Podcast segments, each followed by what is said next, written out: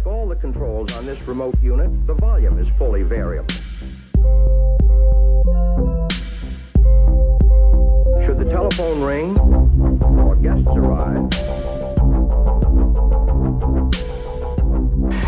Jag ska prata lite om eh, hur vi väljer att ställa in ventilatorn hos patienter med svår lungsvikt. Eh, överlag så är det så att föreläsningar då försöker att vara ganska konkreta. Eh, hur gör vi? Hur ska vi göra? Hur ska vi inte göra? Det är så här. Eh, jag har en tendens att falla i volym. Dan eller någon annan där nere får liksom vifta vilt och argt med armarna så korrigerar jag det. Och är jag obegriplig får ni väl tala om det. En del bilder får ni kika på när ni kommer hem. De är mera till för att liksom så här fylla på med detaljinfo till det jag tänker prata om. Ni, jag har skickat ner det. Är de på rundvandring? Saknas Ja. Saknas det, det? Sitter de fast någonstans eller? Där? är det någon för lite så ber jag någon lokal människa så att säga, någon till vår klinik att Ja, men jag lämna kan göra det då. Så att kika runt Ja, och sen viftar kan få- ni om det är eh, kvar sista exet om det behöver vara mer. Det ni får är halva föreläsningen, resten kommer i efterhand. Eh, jag kommer att prata om svår lungsvikt i termer av ARDS, Adult Respiratory Distress Syndrome. Eh, det är patienter då med refraktär eller svår korrigerad hypoxemi. Det finns andra problempatienter som delar en del fysiologi med ARDS-patienter men inte fullkomligt. Eh, och de får ni tänka på och diskutera någon annan gång. Till exempel på den fantastiska kursen i Uppsala kring ventilatorbehandling. Gå den om ni inte har gjort det. Då ses vi igen i så fall. Även Anders medverkar där. Ska vi se. Men vad är det då som är viktigt när vi ställer in ventilatorn eh, hos en ARDS-patient? Ja, det är viktigt att förstå vad som egentligen är problemet. Det är viktigt att förstå konceptet ventilatorinducerad lungskada. Och det är viktigt att förstå konceptet lungprotektiv ventilation. Och det jag ska ägna den första tredjedelen åt här. Det är liksom de primära inlärningsmålen med den här föreläsningen. Ni har fått ut artiklar som beskriver väl hur det här definieras med ADS och i korthet så är det en lungsvikt som kommer akut inom en vecka från ett, någonting som är känt för att vara utlösande för det här tillståndet. Man har infiltrat bilateralt i båda lungorna. Det är inte betingat av vänstersvikt. I alla fall inte uteslutande till större delen betingat av vänstersvikt. Och fysiologiskt så karaktäriseras det av en svår syresättningsrubbning. Den kvantifierar vi genom att räkna kvoten av vad patienten har för arteriellt PO2 genom syrgasfraktionen inspiratorisk luft, FiO2. Då får ni de här gränserna och de verkar kanske lite udda. Räknar med någon millimeter kvicksilver så blir det jämna hundratal och mera logiskt. Eh, nu är det ju inte så att vi brukar släppa ner patienten på under tre för att ta reda på om de har svår ARDS eller inte. Så vi ser ju aldrig det här. Eh, det enklaste sättet att se var patienten befinner sig i den här skalan så att säga. Det är att titta på hur mycket syrgas behöver eller hur hög syrgashalt behöver jag för att nå en viss syresättning. För det är så vi jobbar i praktiken. Vi liksom rattar upp eller ner tills vi har den syresättning vi vill ha. Sätter vi då målet på ett PO2 på 10 vilket motsvarar ungefär 95 procent i saturation eller pulsoximetri. Då hamnar vi här. Då har man svår ARDS om man behöver 75 procent syrgas eller mer för 10 PO2. Det blir ungefär 60 om vi räknar mot 8 i PO2.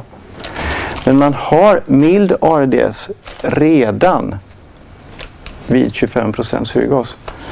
Så ni förstår att den här skalan är ganska bred och vi har ganska många patienter som faller in under ARDS-kriteriet.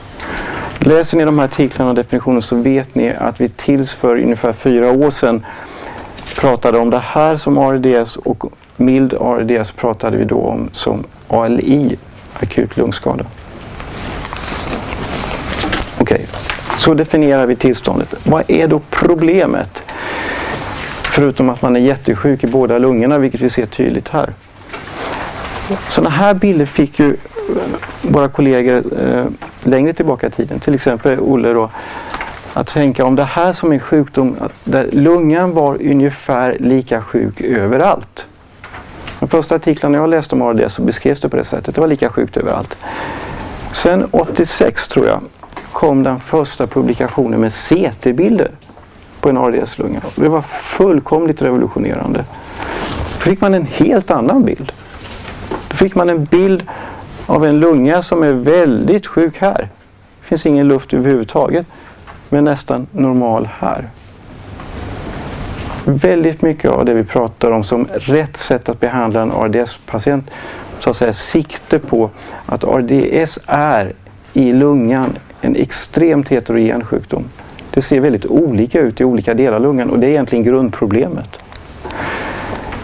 Vad är det som händer här? Jo, vi har massa alveoler här som antingen är utfyllda av någonting annat än gas, därför är de vita, eller de helt enkelt ramlat ihop. De är atelektatiska. Hur blir det då när vi försöker ventilera en lunga där massa utav, stor del av lungan inte är öppen för att ta emot den här tidalvolymen? Ja, compliance blir ju mindre. Men inte därför att lungan är stelare utan för att den är liten.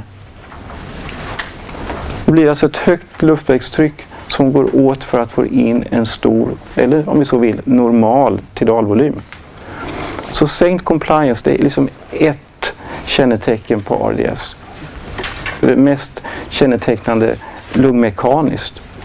Den andra delen då, det är att blodet som går igenom den här delen av lungan har ju inte en chans att plocka upp något syre där. Det finns ju inget. Det blir en shunt. Och det har inte heller någon chans att lämna av någon koldioxid. Eh, det märker vi inte riktigt lika tydligt men det fenomenet finns där också. Så konsekvensen blir en situation med lungor som är svåra att ventilera. Det blir små tidaler med normala tryck och normala tidaler i höga tryck. Och så har vi svårt framförallt med syresättningen. Den andra delen i det här då. Nu tar vi sikte på det som då är ventilatorinducerad lungskada, VILI. Det är att när jag nu försöker trycka in den här tidalvolymen som är normal i den här lilla lungan. Det kan vara en lunga som är stor som hos kanske inte en nyfödd men hos en ettåring eller en, ett barn som bara är några år gammalt. Då blir de stackars alveoler som ska ta emot all den här gasen, de blir ju helt övertända. De kan till och med spricka. Och då får vi luft utanför luftvägarna.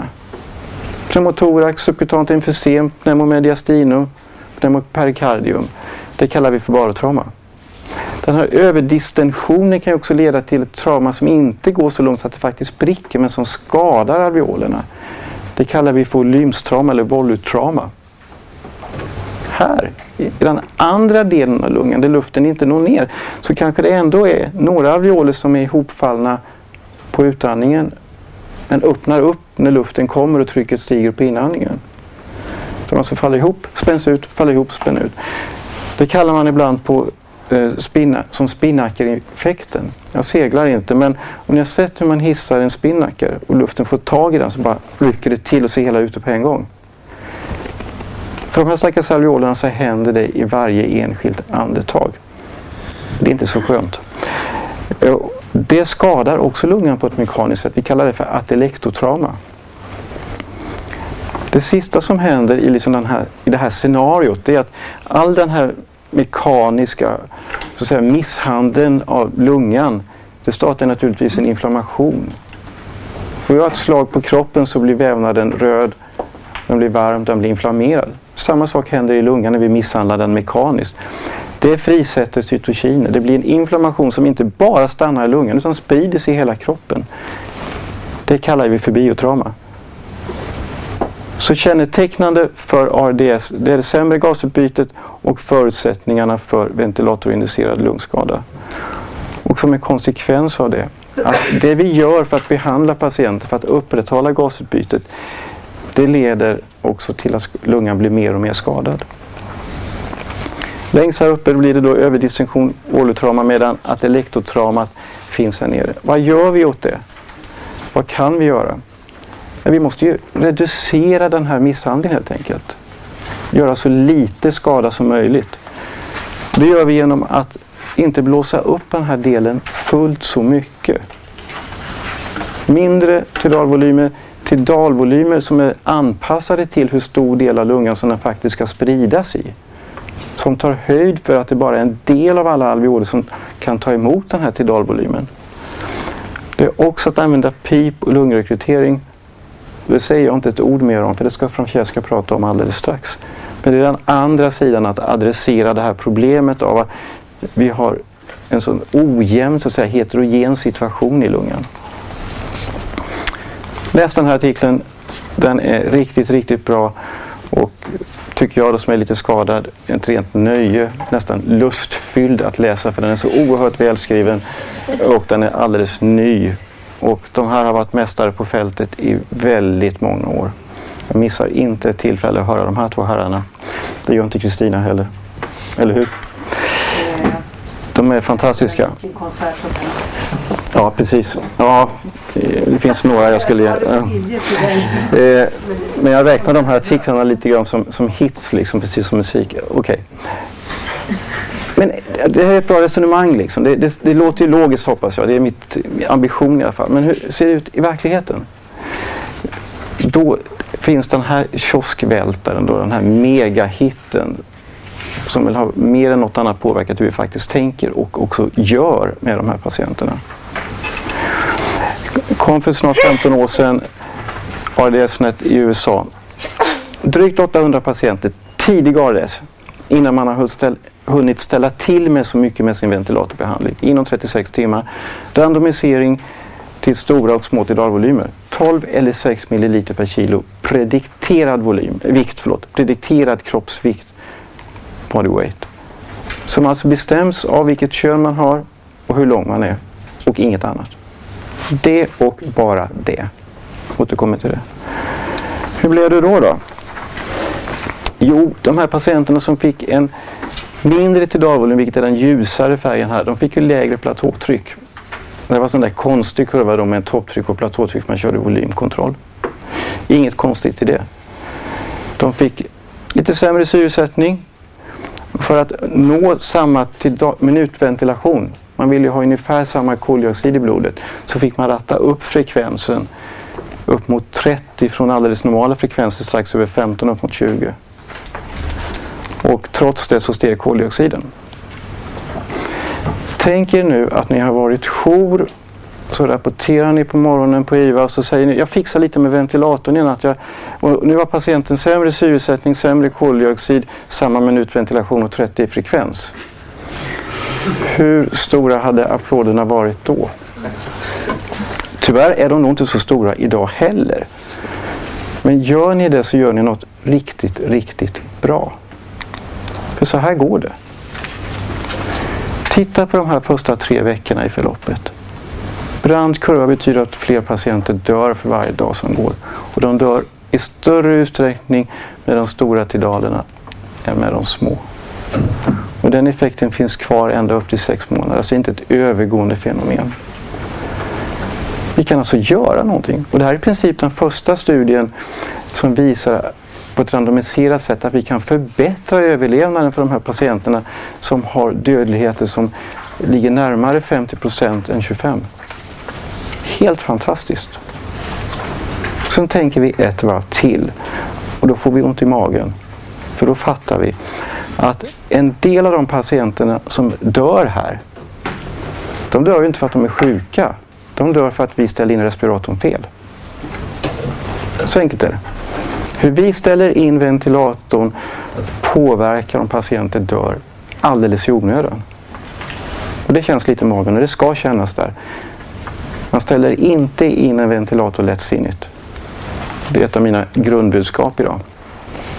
Man tittar också på det här, ni kommer ihåg det här konceptet med att det startar en inflammation, det sprids cytokiner i kroppen och det händer saker på andra ställen också. Så tittar man då på hur många dagar har man utan organsvikt utanför lungan. Och man räknar ju så därför att annars så har man de där patienterna som faktiskt stod. Hur ska man räkna dem? Utan man, det som är bra här det är att ha en dag då man lever och inte har extrapulmonell organsvikt. Så vill vi ha det. Och tittar man på cirkulationssvikt, koagulationspåverkan, njursvikt och man mäter även cytokiner så blev det bättre med de små tidalvolymerna. När jag ställer in ventilatorn så påverkar jag om patienten ska överleva eller inte.